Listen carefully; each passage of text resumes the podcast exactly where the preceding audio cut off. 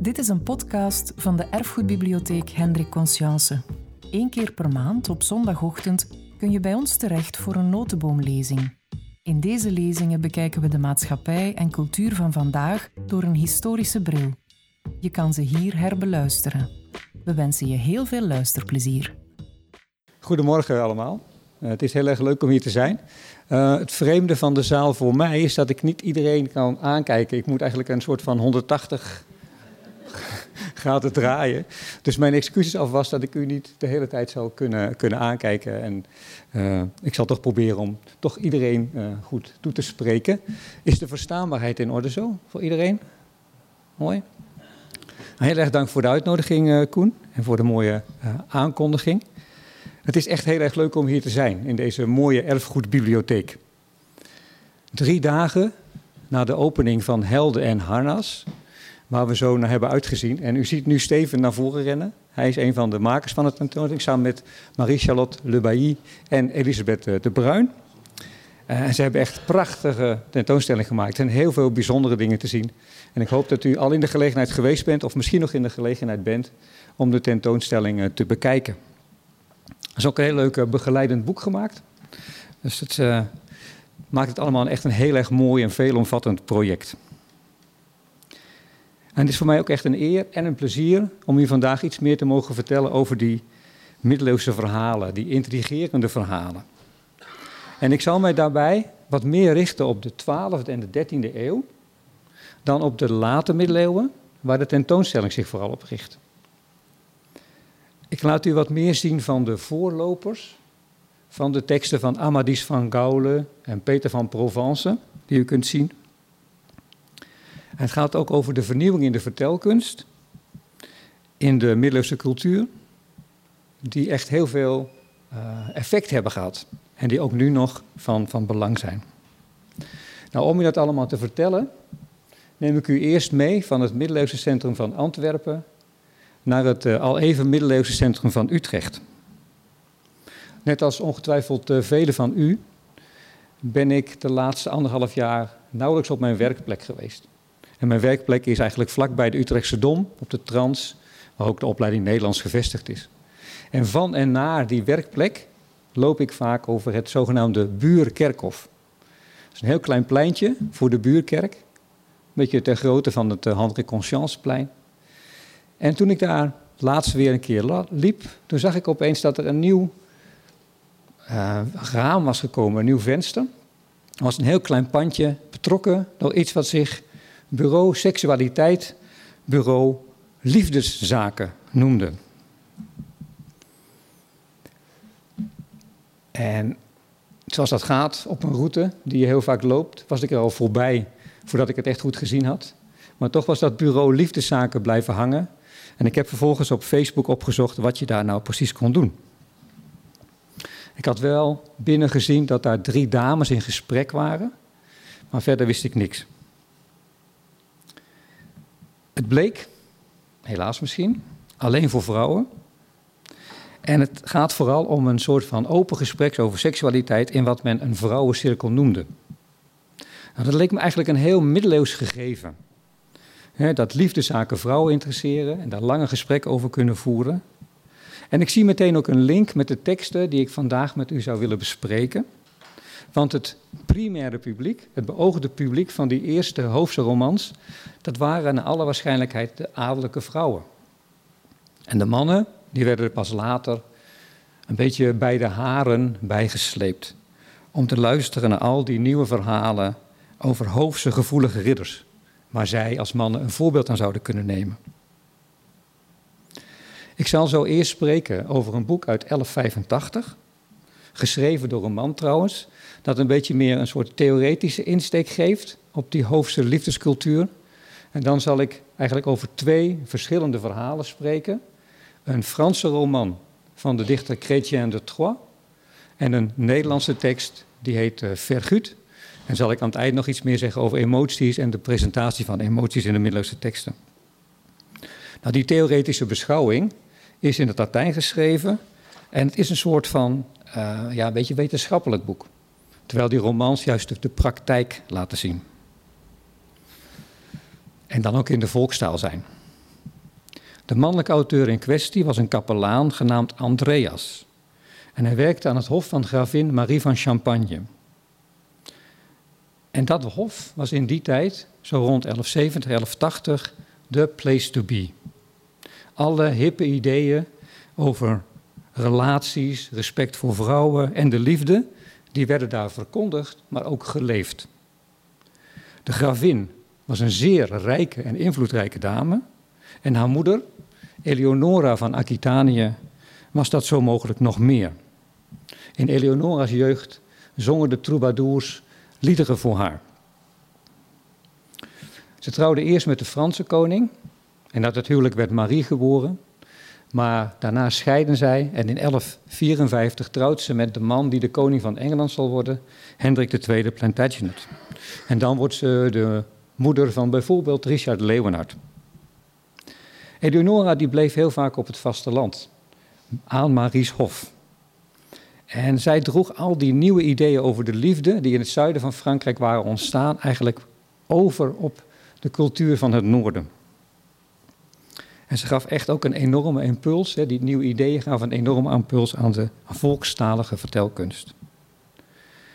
Nou, al dat nieuwe hoofdse leven, al dat uh, praten over de liefde, dat gebeurde precies aan dat hof van Troyes, het hof van Champagne, onder de ogen van kapelaan Andreas. En hij schreef erover in de eerste twee boeken van zijn boeken over de liefde. De titel is eh, De Amore Libri Tres, drie boeken over de liefde. Nu vraagt hij zich af, waar gaat dat derde boek dan over? Nou, in het derde boek rekent hij compleet af met de liefde en de vrouw. Dan komt de klericus om de hoek kijken en dan is de vrouw alleen nog maar een hebzuchtig wezen. Wat niet tot liefde in staat is, volgens Andreas. Dan ga je dan met je bureau liefdeszaken. Um, maar die afrekening, die neemt niet weg dat in de eerste twee boeken Andreas eigenlijk met heel veel respect en aandacht de hoofdse liefdescultus aan dat hof van Champagne beschrijft. En het is niet zo dat die afrekening in het derde boek betekent dat we die eerste twee boeken niet serieus moeten nemen. Hij vertelt in de vorm van een uitleg aan een vriend, Walter, heel onervaren in de liefde, alles over wat er aan liefdezaken aan dat hof gebeurt. Hij vertelt bijvoorbeeld over de zogenaamde Cour d'amour, de liefdestribunalen. Maar hij heeft ook een verhaal over de ontdekking van de twintig regels der liefde die men aan het hof van koning Arthur gevonden zou hebben. Nou staan die uitspraken van de liefdestribunalen, waar ik me vooral op zal richten, aan het einde van het tweede boek. Maar in het eerste boek zit al een soort voorproefje in de vorm van een brief die aan de gravin van Champagne wordt geschreven door een adellijke heer en dame. Ze zijn nieuwsgierig, want ze hebben vragen. En die vragen zijn: Heeft liefde wel een plaats in het huwelijk? En is jaloezie goed in een relatie of juist slecht?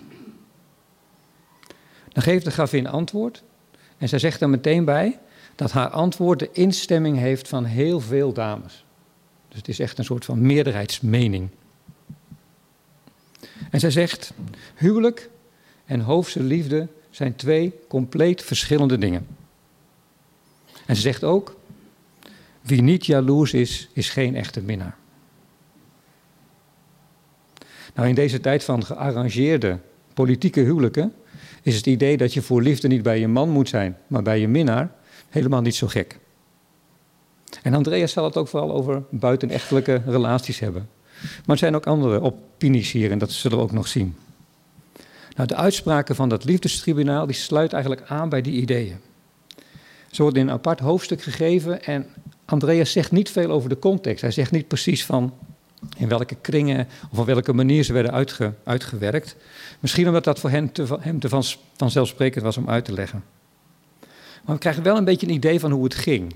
Bijvoorbeeld in uh, geval 18 zien we een glimp van de hofcontext. Want daar wordt verteld dat nadat een ridder loslippig is geweest uh, over zijn relatie, er een hof van dames bijeengeroepen wordt om daarover uitspraak te doen. En ook bij hè, veel andere uitspraken staat: de gravin oordeelt al dus. Of koningin Eleonora zei hierover. Nou, die gevallen, die casussen, zijn eigenlijk allemaal hele mooie hoofdse dilemma's. Uh, het voert te ver om hier meer dan één voorbeeld te noemen, maar dat zal ik wel doen. Uh, geval 16 gaat over een liefdesbode die het zelf aanlegt met de dame met wie hij eigenlijk over zijn vriend zou moeten praten. Hij behartigt de belangen van zijn vriend niet. Nou, die vriend die klaagt bij de gravin. En dan zegt zij dat ze de zaak zal voorleggen aan een groep van 60 dames. Nou, en die 60 dames en de gravin, die veroordelen zowel de liefdesbode als de te gewillige dame hardgrondig. Dus het zijn eigenlijk een soort van mini-romans. En in dit geval is er bijna een roman die al een soort van tegenhanger lijkt te zijn van de casus, namelijk het Tristan-verhaal van koning Mark en Tristan, waarin Tristan eigenlijk ook een liefdesbode is die het met Isolde aanlegt. Daar is weliswaar een toverdrank in het spel, maar toch. Dat tribunaal, zoals beschreven door Andreas, laat zien hoezeer het gesprek over liefdeszaken leefde in deze kringen. En nu snapt u ook weer mijn link met dat bureau. Liefde is complex. En precies weten wat je moet doen als middaar is niet eenvoudig. Die boodschap, ingebed in Andreas' eerste twee boeken, komt ook heel duidelijk naar voren in de gedichten, verhalen en romans die in deze periode en in deze omgeving ontstaan. In deze teksten, geschreven in de volkstaal, worden de mogelijkheden en onmogelijkheden van de hoofdse liefde verder verkend. Je zou ze kunnen zien als een soort gedachte-experimenten waarin personages in lastige situaties worden gebracht en in een soort reageerbuis uitgewerkt kan worden hoe zij wel en niet zouden moeten reageren. Frank Willaert, u kent hem misschien, uh, emeritus hoogleraar hier in Antwerpen. Zijn stem klinkt heel geregeld als u naar de tentoonstelling gaat, want hij heeft de uh, audiogids voor een deel ingesproken. En hij heeft een prachtig boek geschreven, uh, pas, Het Nederlandse liefdeslied in de middeleeuwen. Nou, in dat boek legt hij uit, uh, wat ik, uh, zal ik zo citeren. Hij legt dat idee van dat uitwerken van die gedachte-experimenten heel mooi uit voor de lyriek. Hij zegt daar: De hoofdse liefde is een ideaal, een utopie. En dan zegt hij, en ik citeer: Het spreekt vanzelf dat dit verreven ideaal op gespannen voet staat met de realiteit van de wereld en de beperkingen van de mens. Daar ligt juist de rol van de literatuur, die de mogelijkheden en problemen van deze hoofdse liefde thematiseert. De literatuur brengt concrete levensdarstellingen, waarin de spanning tussen ideaal en werkelijkheid wordt afgetast. Het heeft er alle schijn van dat het publiek bij het luisteren naar die verkenningen een actieve rol aannam. De romans waren immers bedoeld voor kenners ingewijde dames en later ook heren, die dit hoofdse spel speelden en heel goed kenden. Zij konden hun mening geven over de keuzes die de personages maken en bij een onderbreking in de voordracht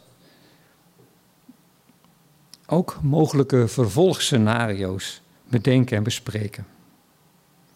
Het idee van het gedachtexperiment geeft ook weer dat er een zeker afstand tussen de harde en tussen dit en de harde werkelijkheid is. Dit was elitair spel, ter vermaak en ook wel een beetje ter lering. De Hoofdse cultuur wordt ook wel gezien als een beschavingsoffensief. Maar dan wel één waarin geen vaste normen worden voorgeschreven, maar waarin de luisteraars bepaalde situaties worden voorgespiegeld om samen over na te denken. En zo zou het ook kunnen. Het draait veel meer om de problemen en de dilemma's dan om de oplossingen. Amerikaanse romanist Douglas Kelly heeft de romans van Chrétien de Troyes terecht gekenschetst als problem romances. De problemen in de gedachten-experimenten draaien steeds om de relatie tussen man en vrouw, hoofdse minnaar en minnares, en zetten de gevoelens centraal die daarbij komen kijken. Waar eerdere generaties helden zich alleen bekommerden om hun reputatie, om hun geloof hun eer en hun moed in bijna vrouwloze verhaalwerelden komen nu gevoelige ridders en dames naar voren en worden hun zielenroeselen uitgebreid beschreven en overgebracht op het publiek, dat net zo intens zal hebben meegeleefd als de vaste kijkers naar soapseries in onze tijd. Ik heb mijn glas water verstopt. Sorry.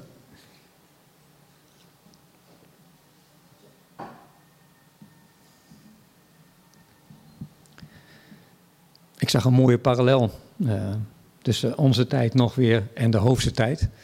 Wij wandelden vrijdag door de Sint-Anna-tunnel naar de andere kant, de andere oever van de Schelde. En op de roltrappen waren allemaal borden neergezet.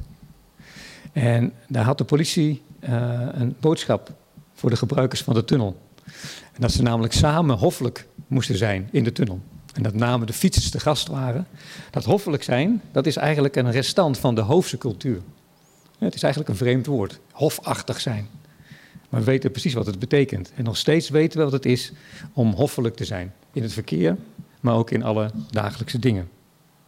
Nou, vanaf ongeveer 1170 ontstaat zo eh, de versroman in de volkstaal. Nou, die omschrijving bevat drie elementen die ik kort zal toelichten: vers, roman en volkstaal. De vorm waarin de verhalen worden gegoten is die van het gepaard rijmende vers met een vast aantal lettergrepen. Bij mannelijk rijm zijn dat er acht. Vandaar de term octosyllaben. Nu kun je in acht lettergrepen nauwelijks volzinnen onderbrengen. En dat betekent dat de zinnen over de grenzen van de verzen heen lopen. Er zijn volop enjambementen, zoals dat verstechnisch heet. En de rijmwoorden vallen dus eigenlijk ook binnen de zinnen die over meerdere versregels verdeeld is. De octosyllabe die levert in handen van meesterdichters als Chrétien de Troyes en Marie de France prachtig soepel lopende verzen op. En die zijn maar heel moeilijk in, in rijmend Nederlands te vertalen. En de meeste moderne vertalingen die kiezen ook echt voor proza in plaats van versen. Want een versvertaling in het Nederlands wordt al heel graag heel erg Sinterklaasig en heel erg houterig. En vooral dat gepaard rijmende vers werkt daarin mee. De versvorm die maakt de tekst ook heel prettig uitvoerbaar voor een luisterend publiek. Ze zijn goed te onthouden, hè, voor mensen die dingen willen onthouden, maar ze werden wel voorgelezen. Het idee is echt dat ze van een perkamenten handschrift werden voorgelezen aan een klein publiek, niet uit het hoofd werden voorgedragen. dus misschien is die rijmvorm ook nog een beetje een restant van een oudere periode waarin toch meer oraal verteld werd met rijmen. Maar dit voorlezen gebruikt nog steeds dat rijmen, maakt ook weer de tekst echt ja, zeg maar memorabel. Die versen die zijn geschreven in de taal van alle dag. Het Oud-Frans, de Oud-Franse volkstaal van Noord-Frankrijk en Engeland in deze periode. En die taal die wordt ook wel de langue d'Oil genoemd, tegenover de langue d'Oc van het zuiden van Frankrijk. En Oil is eigenlijk oui, dus dat is ook de taal die uiteindelijk het Frans is geworden. Die taal had een heel groot bereik. Ja, het was het noorden van het huidige Frankrijk, maar ook heel Engeland, wat in die tijd ook Engel en Frans sprak. En die volkstaal die werd romans genoemd. En daarin komen dus die twee andere termen die ik wilde bespreken mooi samen. Roman wordt de naam voor een tekst in de volkstaal, maar tegelijkertijd ook de aanduiding van een soort verhaal. Zo wordt uit de taalnaam het genre van de moderne roman geboren. Onderzoekers van moderne literatuur zien de geboorte van de moderne roman vaak in de 18e eeuw. Maar eigenlijk ligt die, naar mijn mening, hier, veel eeuwen eerder. En dat geldt eigenlijk ook voor de inhoud. Want wat de 12e eeuwse dichters produceren, bevat veel elementen die men gewoonlijk in moderne definities van de roman aantreft. Het is vooral de beschrijving van een personage dat een bepaalde ontwikkeling doormaakt. Maar ook qua omvang zijn de teksten die romans genoemd worden vergelijkbaar met moderne romans. Er is wat de lengte betreft eigenlijk een soort van continuum. Er zijn korte gedichten, twintig regels, waarin één situatie of één gevoel wordt uitgelegd. Er zijn korte verhalen met vaak één of twee personages en één verwikkeling. En dan is er de roman, met meer gebeurtenissen, een lange reeks van gebeurtenissen, meerdere personages. En tenslotte is er de proza-roman, Die ontstaat aan het begin van de 13e eeuw en die zijn gigantisch. Panoramische romans worden ze ook wel genoemd. Bevat ontzettend veel personages en ze bestrijken heel vaak ook heel veel eeuwen. De proza-roman over Landslot bijvoorbeeld, die bestrijkt vijf eeuwen. Van de passie van Christus tot het einde van koning Arthurs Rijk, zo in 545. En in het hele scala van verhalen komen de gevoelens die de liefde oproept, heerlijke vreugde en diepe wanhoop centraal te staan. De kampioen van de versromans in de volkstaal is Chrétien de Troyes. En eigenlijk net als bij het Homerische epos staat de beste verteller helemaal vooraan in de chronologische rij van auteurs. Nou weten we niet zo heel veel over, over deze dichter, Chrétien. Uh, maar hij laat zich in zijn prologen wel zien als een zelfbewust auteur. Hij noemt zijn naam, dat is al heel uitzonderlijk. Uh, en wat we weten, dat brengt eigenlijk het beeld naar voren van een hofgeestelijke, net zoals die Andreas waar ik het over had, uh, die zijn talent om te schrijven ook benut om als voorlezer en als verhalenmaker de hoofdselite te vermaken. Hij noemt Marie van Champagne als de opdrachtgeefster van zijn verhaal over Lancelot. En hij draagt zijn onvoltooide laatste roman, de Graalroman, op aan Philips van de Elzas, de graaf van Vlaanderen. En mogelijk overleed hij voordat hij die roman kon afmaken, zo in 1191.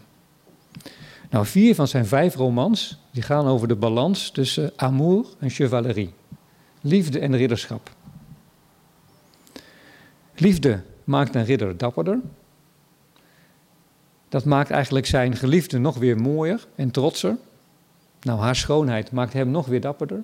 En zo heb je een soort van veredelende werking, een opgaande spiraal die de mens beter maakt. Idealiter. In de praktijk blijkt het ingewikkelder, laat Chrétien zien.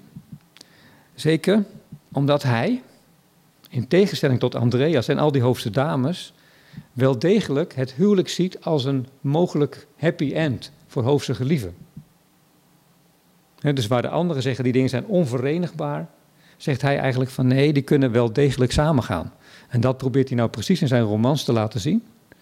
En het grappige is dat ook juist in de laatmiddeleeuwse romans, zoals Elisabeth de Bruin in het boek heel mooi uitlegt, ook die huwelijksliefde belangrijk wordt gevonden. Dus wat dat betreft is Chrétien ook al een hele vroege denker daarover. Hij schrijft over ridders en dames voor wie het huwelijk het happy end is. Met uitzondering van dat ene verhaal over Lancelot. Want dat kan, omdat het een hele sterk overspelige relatie is, niet in een huwelijk eindigen. Misschien kunnen we het daar nog over hebben. Nou, binnen die vier liefdesromans van Chrétien neemt de tweede een bijzondere plaats in. Het is ook uh, de minst bekende tekst. Uh, hij is niet in het Nederlands vertaald tot nu toe. Maar hij bevat al heel veel elementen die we juist ook in die laat-middeleeuwse verhalen uh, tegenkomen. Dus het idee van voorloper is heel sterk van toepassing op deze, deze roman. Zo beslaat het verhaal meerdere generaties van één koninklijke familie. Het gaat over Alexander en Sore d'Amors, het liefdespaar, maar ook over hun zoon Cligès en zijn Venice. En die laatste twee die staan centraal, want de roman heet ook Cligès. Er wordt heel veel gereisd in de tekst. Ook zo'n typisch laat-middeleeuws element. En de hoofdhandeling vindt plaats in Griekenland. Uh, de gelieven moeten allerlei problemen overwinnen voor ze elkaar definitief in de armen kunnen sluiten. Uh, het is ook de roman waarin de gevoelens van de geliefde het sterkst naar voren komen. En daarom past, het ook heel goed, past hij ook heel goed in mijn thema van gevoelige ridders. Nou, dat gereis dat is vooral van Griekenland, waar het verhaal begint, naar Groot-Brittannië en terug. Groot-Brittannië, Engeland, wordt ook wel Logres genoemd in deze teksten. Dat is waar koning Arthur regeert en waar het hofleven ideaal is. Dat is al bekend uit de kronieken van Geoffrey van Monmouth en van Was, die de geschiedenis van de Britse koningen optekende en daarin een hoofdrol weglegde voor koning Arthur. Jeffrey die beschrijft de hofcultuur aan Arthurs Hof uh, op deze manier. Ik citeer. De Britse beschaving had destijds zo'n hoog pijl bereikt dat Brittannië met zijn grote rijkdom, de pracht en praal van zijn uiterlijk vertoon en de hoofdheid van zijn inwoners alle andere koninkrijken overtrof. Elke ridder in Brittannië, die vermaard was om zijn moed, droeg kleding en wapens van dezelfde kleur. Hoofdse vrouwen, die soortgelijke kleding droegen, kende geen enkele ridder hun liefde waardig die zich niet driemaal in de strijd had bewezen. Zo werden de vrouwen kuiser en deugdzamer. En de ridders die hem beminden moediger. U ziet de relatie tussen liefde en ridderschap. Heel mooi beschreven al in deze vroege tekst. Nou, de dichter was, die voegt aan zijn vertaling van de chroniek van Geoffrey ook nog de ronde tafel toe. En legt ook heel uitgebreid uit dat iedereen in Europa Arthur en zijn hovelingen, en zijn hovelingen nadoet. En Chrétien de Troyes zelf vertelt in de proloog van zijn derde roman over Yvain, de ridder met de leeuw, hoe voorbeeldig de liefde wordt beleefd aan het hof van koning Arthur. En daar kan iedereen, met name ook zijn eigen luisteraars, nog een voorbeeld aan nemen. Het is, heel niet, het is dus niet zo vreemd dat in die tweede roman uh, de hoofdpersoon Alexander naar Arthurs hof wil gaan uh, om aan diens hof te laten zien, die van de koning Arthur gaan, om aan diens hof te laten zien wat hij waard is. Nou, hij denkt daarbij vooral aan zijn sterke arm en zijn ridderlijke kwaliteiten. Hij hoopt door Arthur tot ridder geslagen te worden. Maar het is echter niet zijn sterke arm, maar zijn hart dat op de proef wordt gesteld. De liefde komt op zijn pad in de persoon van een nicht van de belangrijke ridder Wadewijn. Een nicht die als hofdame dient bij de koningin. Haar naam is Sore d'Amors en dat betekent zoveel als verguld door liefde. En dat terwijl ze nog helemaal niets van de liefde wil weten. Nou, dat verandert op slag als ze Alexander ziet. Ze varen samen uh, met de koningin in een schip naar Bretagne en dan ziet ze Alexander. En dan is het de coup de foudre, of Thunderbolt City, zoals het heet in Four Weddings and a Funeral. Nou, haar verliefdheid, die wordt niet alleen benoemd door de verteller. Hij wordt vooral ook, en dat is nou net het typerende en vernieuwende van deze roman, heel uitgebreid ook door het personage zelf getoond en verwoord. Ze wordt geraakt door de pijl der liefde en ze begint bleek te worden en ze begint te zweten. Maar ze kan toch haar ogen niet van hem afhouden. En dan spreekt ze die ogen ook heel beschuldigend toe. Ik citeer. Ogen, jullie hebben mij verraden. Door jullie is mijn hart dat mij altijd trouw diende, mij gaan haten. Wat ik zie kwelt mij. Kwelt? Nee, eigenlijk niet. Het bevalt mij. En als ik iets zou zien dat mij zou kwellen, zou ik dan mijn ogen niet kunnen afwenden? Ik zou maar zwak zijn en weinig eigenwaarde hebben als ik mijn ogen niet onder controle kon houden en ergens anders op zou kunnen richten. Zo kan ik mij beschermen tegen de liefde die probeert mij in haar macht te krijgen. Wat de ogen niet zien, kan het hart niet deren. Als ik hem niet zie, dan is hij lucht voor mij. Hij heeft niet om mijn genegenheid gevraagd of gesmeekt. Als hij van mij zou houden, dan zou hij maar daarom gevraagd hebben. En aangezien hij niet van mij houdt of mij genegen is, moet ik dan van hem houden terwijl hij niet van mij houdt? Als zijn schoonheid mijn ogen verleidt en mijn ogen daaraan toegeven, is dat reden om te zeggen dat ik van hem hou? Zeker niet, want dat zou gelogen zijn. Nou, zo gaat het echt nog een hele tijd door. Uh, met wat in onze oren toch een beetje klinkt als oeverloos puberaal, puberaal gezwijmel. Uh, en dan is er ook nog eens een keer meteen daarna net zo'n, maar zeggen, kleffe passage uh, over Alexanders gevoelens. Die al even hard twijfelt en verlangt en piekert. Nou, die passages zijn toch heel cruciaal in deze roman. Heel wat pagina's worden gewijd aan het gepieker en het geklaag van de geliefde. Eerst deze Sorre d'Amours en Alexander. En dan later ook nog, en zelfs in een soort van overtreffende trap, Cligès en Venice. Nou, ik kom straks bij de meest romantische scène tussen Cligès en Venice. Maar ik wil eerst op twee verteltechnische trucs wijzen die Chrétien graag gebruikt en die ook in deze pas, ja, presentatie van Sorre d'Amours uh, gevoelens naar voren komen. De inkleding daarvan in het verhaal. Nou, die eerste verteltechnische truc betreft de, de representatie van haar gedachten. Ze uit haar gevoelens in een soort gesprek met zichzelf, haar eigen ogen. Um, het effect is dat wij, als moderne lezers, maar zeker ook die middeleeuwse toehoorders, als vanzelf worden opgenomen in dat gesprek. Ze spreekt zichzelf toe, maar ook ons. Dat nodigt uit tot goed luisteren en ook wel tot meeleven. Denk maar eens aan een dagelijks gesprekje. Als luisteraar kun je vaak de woorden en de zinnen die tegen je gezegd worden aanvullen. Dat kan heel hinderlijk worden als je dat ook echt gaat doen. Maar dat je het kunt, geeft aan dat je in je hoofd eigenlijk voorspellenderwijs de zinnen van degene die met je spreekt aan het maken bent. Nou, dat construeren, dat leidt tot een sterke betrokkenheid. En eh, je bent dan heel erg bij dat gesprek betrokken. En omdat dit gesprek in het middeleeuws over de gevoelens gaat, komen die van gevoelens vanzelf mee. Dus luisteren naar dat interne gesprek nodigt uit tot meeleven met die verliefde jonkvrouwen. De tweede truc zal ik straks nog iets verder uitwerken, eh, omdat die voor, het, eh, emotionele, voor de emotionele beleving van het verhaal eh, nog algemener en belangrijker is dan die eerste verteltechniek. Het is namelijk zo dat het personage Sorredamos in de tekst zelf wordt waargenomen. En haar gedrag wordt geïnterpreteerd en wel door de koningin.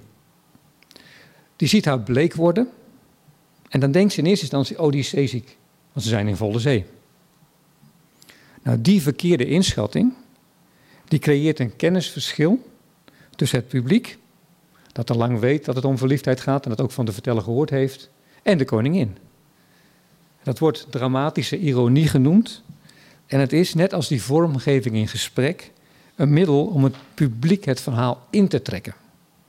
En juist dat de koningin nog niets in de gaten heeft, brengt die boodschap van de verliefdheid nadrukkelijker naar voren. En maakt de luisteraars nieuwsgierig naar verdere verwikkelingen. Dat engagement leidt ook weer tot meeleven. Daar kom ik straks ook nog op terug. Uh, nu gaan we weer door met het verhaal van Alexander, Sorodamor, Cligès en zijn geliefde Venice.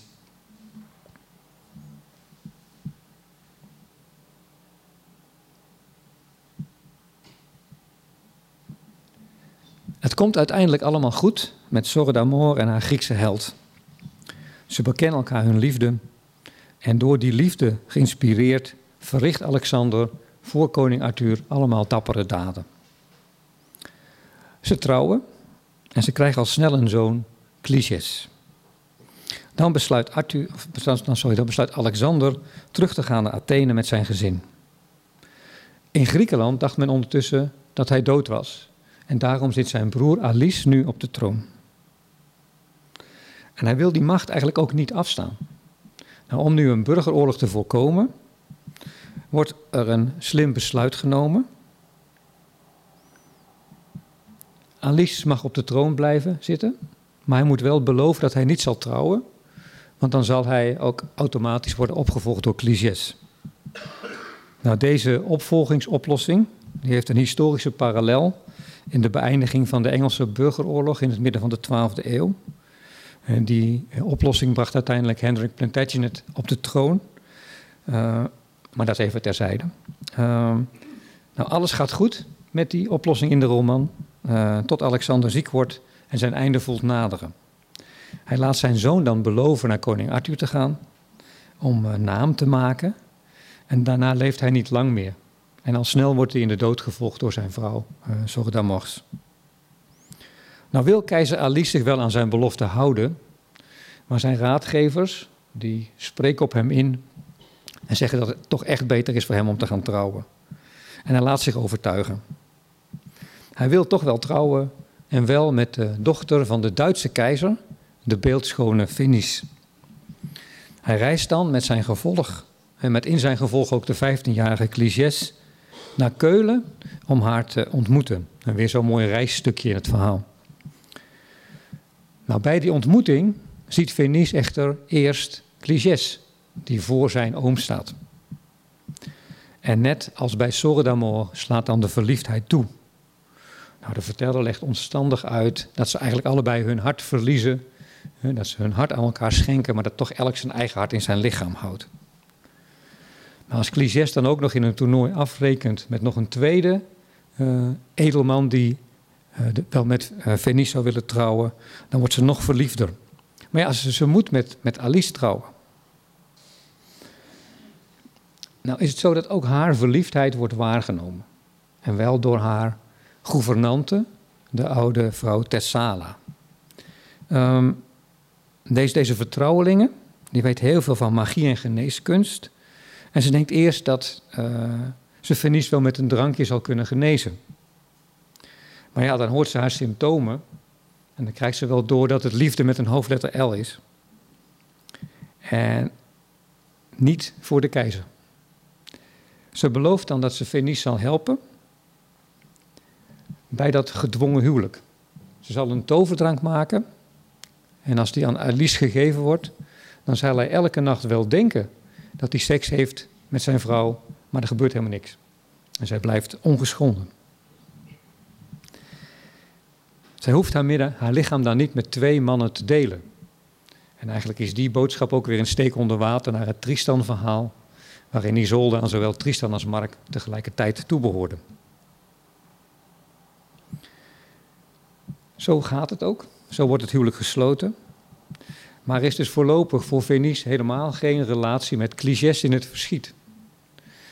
En hij neemt afscheid van haar, bij een zeer tranenrijk afscheid weliswaar. Deze ridders kunnen huilen als de beste. Dat verwacht u niet, maar dat is echt zo. Er is zelfs een scène van Lancelot, die voor de eerste keer zijn, zijn geliefde koningin ziet. En dan huilt hij zo hard dat zijn hemd tot op zijn knieën nat is. Ik vind dat eigenlijk een soort wereldrecord janken, maar ze kunnen het echt goed. Hij plenkt de tranen en hij verlaat haar. Dus Clichés is weg. Hij doet het ook heel erg goed aan Arthur's Hof. Maar eigenlijk wil hij gewoon terug. Hij wil gewoon terug naar Griekenland. En hij gaat ook vrij snel weer terug. En veel minder avonturen dan bij zijn vader. Hij, hij, hij moet gewoon terug naar, naar Griekenland. Dat is duidelijk voor het verhaal. En zijn hereniging met Venice is een van de emotionele hoogtepunten van de roman. Als ze eindelijk ongestoord kunnen praten, stelt ze hem de vraag die haar eigenlijk angst inboezemt. Heeft hij niet een leuk meisje ontmoet in dat verre Engeland? En dan citeer ik hun verdere gesprek met uh, wat inkortingen, want dat is ook weer een heel lang stuk. Mijn vrouwen, zei hij, ik had wel lief toen ik daar was, maar niet iemand die daar was. Mijn lichaam was in Brittannië zonder mijn hart, zoals een stuk boombast zonder kernhout. Ik weet niet wat er met mijn hart gebeurde sinds ik Duitsland, waar ze elkaar ontmoetten, verliet. Behalve dat het u daarheen volgde. Mijn hart was hier en mijn lichaam daar. Ik was niet echt weg van Griekenland, want mijn hart was hier gekomen en daarom kwam ik terug. Maar mijn hart is nog niet bij mij teruggekomen. En ik kan het niet terughalen. En ik wil dat eigenlijk ook niet. En u, hoe gaat het met u? Nou, dan vertelt ze dat ze heel ongelukkig was tot op dit moment. Want mijn hart is weg en ik leef zonder. Hoewel ik nooit in Brittannië geweest, had mijn hart daar iets te doen zonder mij. Mijn vrouwen. Wanneer was uw hart daar dan? Vertel mij tijd en seizoen dat het vertrok. Was het daar toen ik er was? Ja, al wist u dat niet. Het was er zo lang u er was. En toen vertrok het met u. Goh, ik heb nooit geweten dat het daar was. En ik zag het nooit. Maar als ik het had gezien, had ik het zeker goed gezelschap gehouden. U zou voor mij een enorme troost zijn geweest. Het is ook terecht dat u mijn hart gezelschap zou hebben gehouden. Want ik zou ook aardig voor uw hart zijn geweest als het gekomen was op de plaats waar, ik, waar het wist dat ik was. Mijn vrouwen, het kwam echt naar u toe. Naar mij. Dan was het niet alleen, want mijn hart zocht u ook op. Dan zijn, zoals u zegt, vrouwen, onze harten hier bij ons, want het mijne is geheel van u. Nou, zo omslachtig bekennen ze elkaar hun liefde. Maar er zal wat heel wat zal nog heel wat moeten gebeuren voor zij definitief geluk vinden. Nou, de metafoor van dat reizende hart was eigenlijk al een hele oude metafoor. Veel van de, van de beeldspraak zien we ook bijvoorbeeld al bij Ovidius. Uh, maar Chrétien die werkt die metafoor heel uitgebreid en heel vernieuwend uit, met grote toewijding. En hij vindt daar ook in navolging in. Uh, bijvoorbeeld in teksten als de Middel-Nederlandse Vergut, waarover ik straks nog zal, spraken, zal spreken. Ook nu nog staat het hart natuurlijk centraal in al ons praten en zingen over de liefde. Hoeveel liedjes zijn er niet over gestolen harten, om maar één uh, element te noemen. Nou, gelukkig zijn die harten van Cligès en Venice nu herenigd. Maar de liefde bekennen betekent nog niet dat er perspectief zit in de relatie. Venice is zelfs zo ongelukkig in haar huwelijk dat zij besluit met weer een toverdrank van Thessala haar eigen dood voor te wenden. Ze lijkt te sterven en wordt naar een prachtige tombe gebracht. Daar wekt Thessala haar weer tot leven met hulp van Cligès. En terwijl ze herstelt, leven ze samen in een geheime toren die Cligès, heeft laten bouwen. Nou, na een bepaalde tijd worden ze bespied terwijl ze vrij in de tuin. En dan moeten ze vluchten. Keizer Alice zet met man en macht de achtervolging in. Maar hij is eigenlijk zo ondaan door alles wat er gebeurd is, dat hij overlijdt. En hij maakt zo de, vrij, de weg vrij voor toch nog een happy end voor Cligès en Venice. Ze trouwen, ze worden gekroond tot keizer en keizerin. En dan besluit de tekst als volgt. Hij maakte van zijn geliefde zijn vrouw, maar hij noemde haar geliefde en dame. Zij verloor niets door te trouwen, want hij hield nog evenveel van haar als toen zij zijn geliefde was. En zij hield ook van hem, als een dame van haar minnaar houdt. Elke dag werd hun liefde sterker. Wij zien dus heel mooi dat die hoofdse liefde natuurlijk bij Chrétien met elkaar te verenigen zijn. je kunt als echtgenoot en echtgenoten, zeg maar, van elkaar houden zoals een hoofdse minnaar en minnares van elkaar houden. Dat verliezen ze niet op het moment dat ze getrouwd zijn. Nou, dat komt juist ook weer in die laat-middeleeuwse romans heel erg terug. Die gaan ook heel vaak over voor elkaar voorbestemde liefdesparen die in een hoofdse relatie het huwelijk uiteindelijk ook vinden. Nou, hoofdromans als deze zijn verhalen vol van de romantiek. Minnaars zijn winnaars. En de ware liefde wordt na tal van verwikkelingen en problemen beloond. En alles loopt goed af, ongetwijfeld tot opluchting van het meelevende publiek. Vanaf deze tijd zullen de liefde en haar veredelende werking niet meer weg te denken zijn uit de roman. Naast de mannelijke hoofdpersonen zullen steeds vrouwen staan je moet eigenlijk heel goed zoeken naar hoofdpersonen zonder significant other.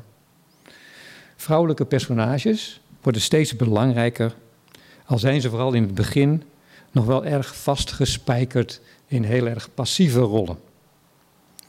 Het romangenre wordt heel snel populair. Chrétien krijgt volop navolging in het Frans en de teksten worden ook vertaald. In het Oud-Noors bijvoorbeeld, of in het Middelhoogduits en ook in het Middel-Nederlands. De hoofdse schrijvers zetten de verkenning van de liebesdaarstellingen voort. En ze blijven hun hoofdpersonen interessante dilemma's voorschotelen. Een thema dat daar vaak bij aan de orde komt, is het thema van nature en nurture. Heb je iets als een aangeboren talent of kun je het ook leren? Um, gedraag je op een bepaalde manier vanwege je afkomst of omdat je het geleerd hebt. Nou, bij clichés laat die hele mooie voorgeschiedenis van Alexander en Sora d'Amor eigenlijk zien dat hij als het ware in de wieg gelegd is als hoofdse minnaar. En dat wordt ook heel mooi uitgewerkt in de tekst verder. Maar soms is het ook anders. Hoe is het bijvoorbeeld met personen die niet in zo'n gespreid bedje terechtkomen? Kunnen zij de liefde leren? Nou, dat gedachte-experiment dat wordt eigenlijk uitgewerkt in de laatste tekst die ik wil uh, bespreken. Uh, hij is in het Frans eerst geschreven door Guillaume Leclerc. Uh, Fergus heet de tekst. Net na 1200 gemaakt. En in het midden van de 13e eeuw vertaald in het Middel-Nederlands. Door een anonieme dichter. Um, en dan heet de tekst Vergut. En ik zal praten over de Verguut en zijn hoofdpersoon, Verguut. Hij is qua kom af duidelijk anders dan uh, clichés. Uh, de vader van Verguut is een boer, getrouwd met een edelvrouw. En we komen onze hoofdpersoon ook voor de eerste keer tegen terwijl die zwetend achter een ploeg loopt. Maar zijn ridderbloed laat zich voelen en hij gaat, gesteund door zijn moeder, toch naar Arthurshof. Dan wordt hij een beetje uitgelachen en niet serieus genomen. Uh, al helpt Walewijn hem wel tot ridder geslagen te worden. Maar men vindt eigenlijk dat hij zich eerst maar eens moet gaan bewijzen. Uh, door tegen de ontzagwekkende zwarte ridder te vechten. Nou, onderweg naar dat gevecht uh, tegen die zwarte ridder logeert Vergut bij de oom van de hele mooie Galliëne. En de verteller vertelt uitgebreid hoe schoon zij is. En dan legt hij ook uit hoe vriendelijk ze hem ontvangt. En dan komen we eigenlijk bij de manier waarop zij elkaar verder ontmoeten. En ze neemt hem bij de hand als hij van zijn paardje stijgt. En ik, ik citeer nu een stukje uit de mooie vertaling door Willem Kuiper. Vergut en het meisje namen elkaar bij de hand. En er kwam een dienaar aan die hem zijn wapenrusting afdeed. Daar stond Vergut in zijn nauw sluitend zijden onderkleed. Hij was prachtig geschapen. Het meisje keek haar ogen uit op de ridder, die haar erg sympathiek overkwam. Ze vond dat hij een innemend gezicht had. De godin van de liefde, die aandachtig toekeek, begreep dat het de hoogste tijd was om in haar hart te komen en haar verliefd te maken. Ze zette een pijl op haar boog en schoot het meisje via het oog een pijl zo diep in haar hart dat zelfs een arts die nooit meer zou kunnen verwijderen. Hij zou voor altijd in haar hart blijven zitten. Net zoals bij Sore d'Amor slaat de liefde keihard toe. Galliene zucht, weet niets meer te zeggen en kan s'nachts de slaap niet vatten. Ook zij gaat met zichzelf in gesprek en verwoordt al haar tegenstrijdige gevoelens. Dan citeer ik alleen het begin van haar passage en ik spring dan over naar wat ze uiteindelijk daarmee gaat doen. Ze verzucht, o verguut, lieve vriend, je zou eens moeten weten hoe ik om jou leid. Vriend, wat zeg ik gek in? Ik heb hem nooit eerder gezien. Ik ben nog erger dan een crimineel, dat ik iemand lief wil hebben die ik nooit eerder zag of sprak. Morgen vroeg zal hij afscheid nemen en wegrijden. Daarna zal hij nooit meer iets van mij horen en mij snel vergeten zijn. Wat zal hij wel niet van denken? Als hij op elk meisje verliefd werd waar hij kwam, dan zou hem dat misstaan. Maar als hij morgen vroeg weggaat, hoe zal hij ooit weer weet krijgen van mijn liefdesklacht en hoeveel ik van hem zou kunnen houden? Hij zal mijn dood nog worden. Nou, het gaat nog een flink stuk zo door. Maar uiteindelijk dwingt de liefde Galliene toch naar het bed van Vergut te sluipen. En ik citeer wat er dan gebeurt. Ze tastte met haar hand over zijn borst, waar zijn hart was. Vergut schrok wakker, vond Galliene knielend voor zich, tranen met tuiten huilend. Hij greep haar beet en zei: Jongvrouwen, u bent gevangen. Zeg mij, wat zoekt u hier? Galliene sprak: Ik ben naar u gekomen, mijn lief, omdat mijn liefde voor u mij gevangen houdt. Als u mij niet troost, dan zal ik sterven. Mijn liefde voor u doet mij veel pijn. Ik heb mijn hart verloren, dat naar u is toegegaan. Waar is mijn hart, lief? Zeg me waar het is, lieverd. Geef me mijn hart terug, alstublieft. Vergut sprak. Houdt u mij voor de gek, jonkvrouw? Ik heb uw hart nooit gezien. Het is hier niet geweest. Maar ik zeg u, als ik het had, dan gaf ik het u niet terug. Maar ik heb het echt niet gezien. Maak dat u wegkomt, jonkvrouw. Uh, zelden ging een minnaar zwaarder de fout in dan Vergut. Hij snapte nog niets van, van de matters of the heart. En dat komt hem eigenlijk heel duur te staan, want hij zal de rest van de roman enorm zijn best moeten doen om Galliene en haar liefde te winnen. Toch kent ook dit verhaal een happy end. Je kunt de liefde ook leren, hè, om dat nature en nurture idee terug te pakken. Maar de leercurve van Vergut is wel een heel stuk steiler dan die van Cligès en van de meeste andere ridders. De roman heeft heel veel intertextuele lijnen naar de graalroman van Chrétien. Maar hier zit ook heel veel intertextueel spel met de roman van uh, Cligès, uh, denk ik. Zeker in dat hartenspel. Ik ga mijn, mijn verhaal geleidelijk afronden. U heeft nu twee voorbeelden van verhalen over gevoelige ridders gezien. En gemerkt hoezeer het handelen van die personages door de liefde gemotiveerd wordt. Er is wel gezegd dat de, de wereldse liefde, zoals wij die nu kennen, in deze periode haar eigen taal en haar eigen verhalen vindt. Zeker is dat het genre van de volkstalige versroman met al zijn emoties enorm populair wordt, zich heel snel ontwikkelt en over heel Europa verspreid wordt. Het publiek smulde er blijkbaar van.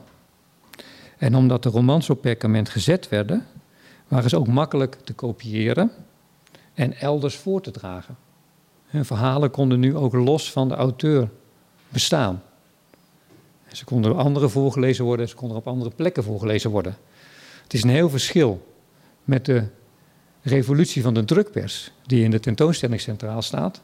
Als je boeken kunt drukken in meerdere gelijke exemplaren, dan kunnen ze natuurlijk nog veel uitgebreider verspreid worden. En kunnen nog veel meer mensen die boeken lezen.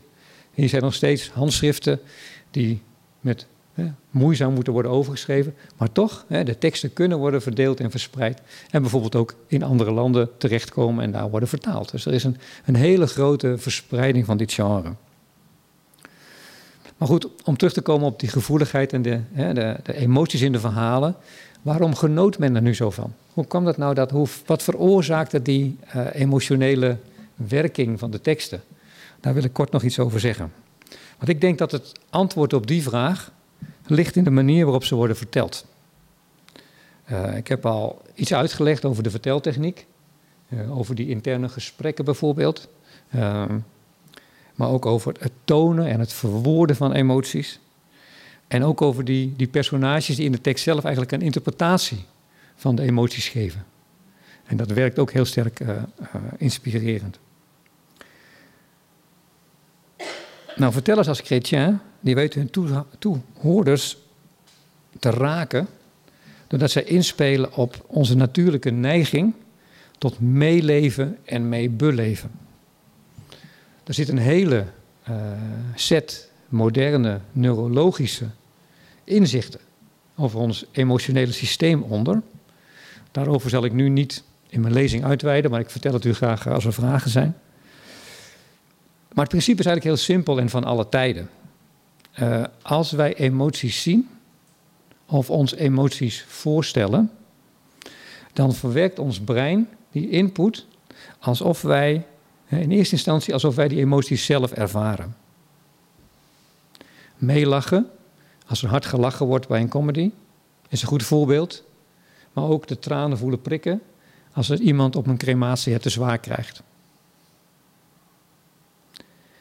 Uh, ik kwam nog een mooi voorbeeld tegen, dat u misschien ook wel uh, heeft gezien.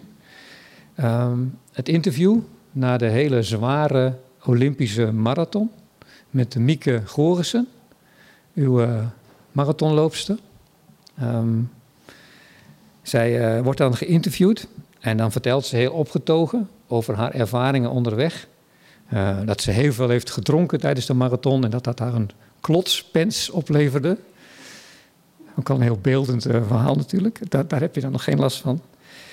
Maar dan is ze zo blij dat ze de finish gehaald heeft. En dat krijgt ze langzaam door. En dan was ze heel blij dat ze de finish gehaald heeft. En dat vertelt ze ook met, met verven.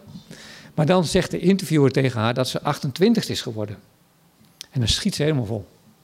En als je daar naar kijkt, dan voel je ook de tranen prikken. Omdat ze zo prachtig vertelt over haar eigen emoties. Uh, je hoeft geen marathon te hebben gelopen om mee te voelen met haar ervaringen, omdat zij ze zo prachtig toont. Uh, je kunt met haar meehuilen van blijdschap. Nou, dat is nou precies de aanstekelijkheid van emoties, die de makers van die hoofdse romans intuïtief weten in te zetten om hun publiek die emoties te laten meevoelen. En ze delen de emoties van de personages. Dan hebben we niet of nauwelijks berichten over wat er gebeurde als zo'n roman werd voorgelezen. Maar er is wel één uitzondering. Er is een klericus uit de 12e eeuw, Peter van Blois. En die heeft over iets heel anders.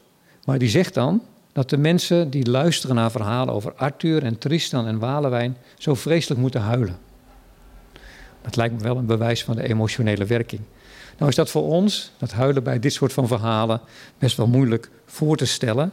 Maar dat betekende niet dat het toen niet gebeurde. In ieder geval spatten de emoties van de perkamentenbladen af. Dan zult u misschien denken, wow, dat belooft dat voor de tentoonstelling. Maar daar liggen de boeken eigenlijk heel mooi en stil te wezen. Ze liggen niet te trillen van emotie. Hoewel de emoties en de verwikkeling in de liefdesverhalen eigenlijk wel heel mooi getoond worden in de animaties. Die zijn gemaakt bij een aantal van de verhalen. Daar ziet u ook al die verwikkelingen van die, die liefdesrelaties. Ook in die laatmiddeleeuwse romans zijn er heel veel gevoelens en heel veel emoties. En de liefde is een centraal motief. Uh, ook hier waren het de toegankelijke, invoelbare emoties die de verhalen aantrekkelijk en boeiend maakten. Nu is de tentoonstelling Helden in Harnas getiteld. Uh, misschien kunt u na mijn verhaal ook denken aan minnaars in metaal. Dank voor uw aandacht.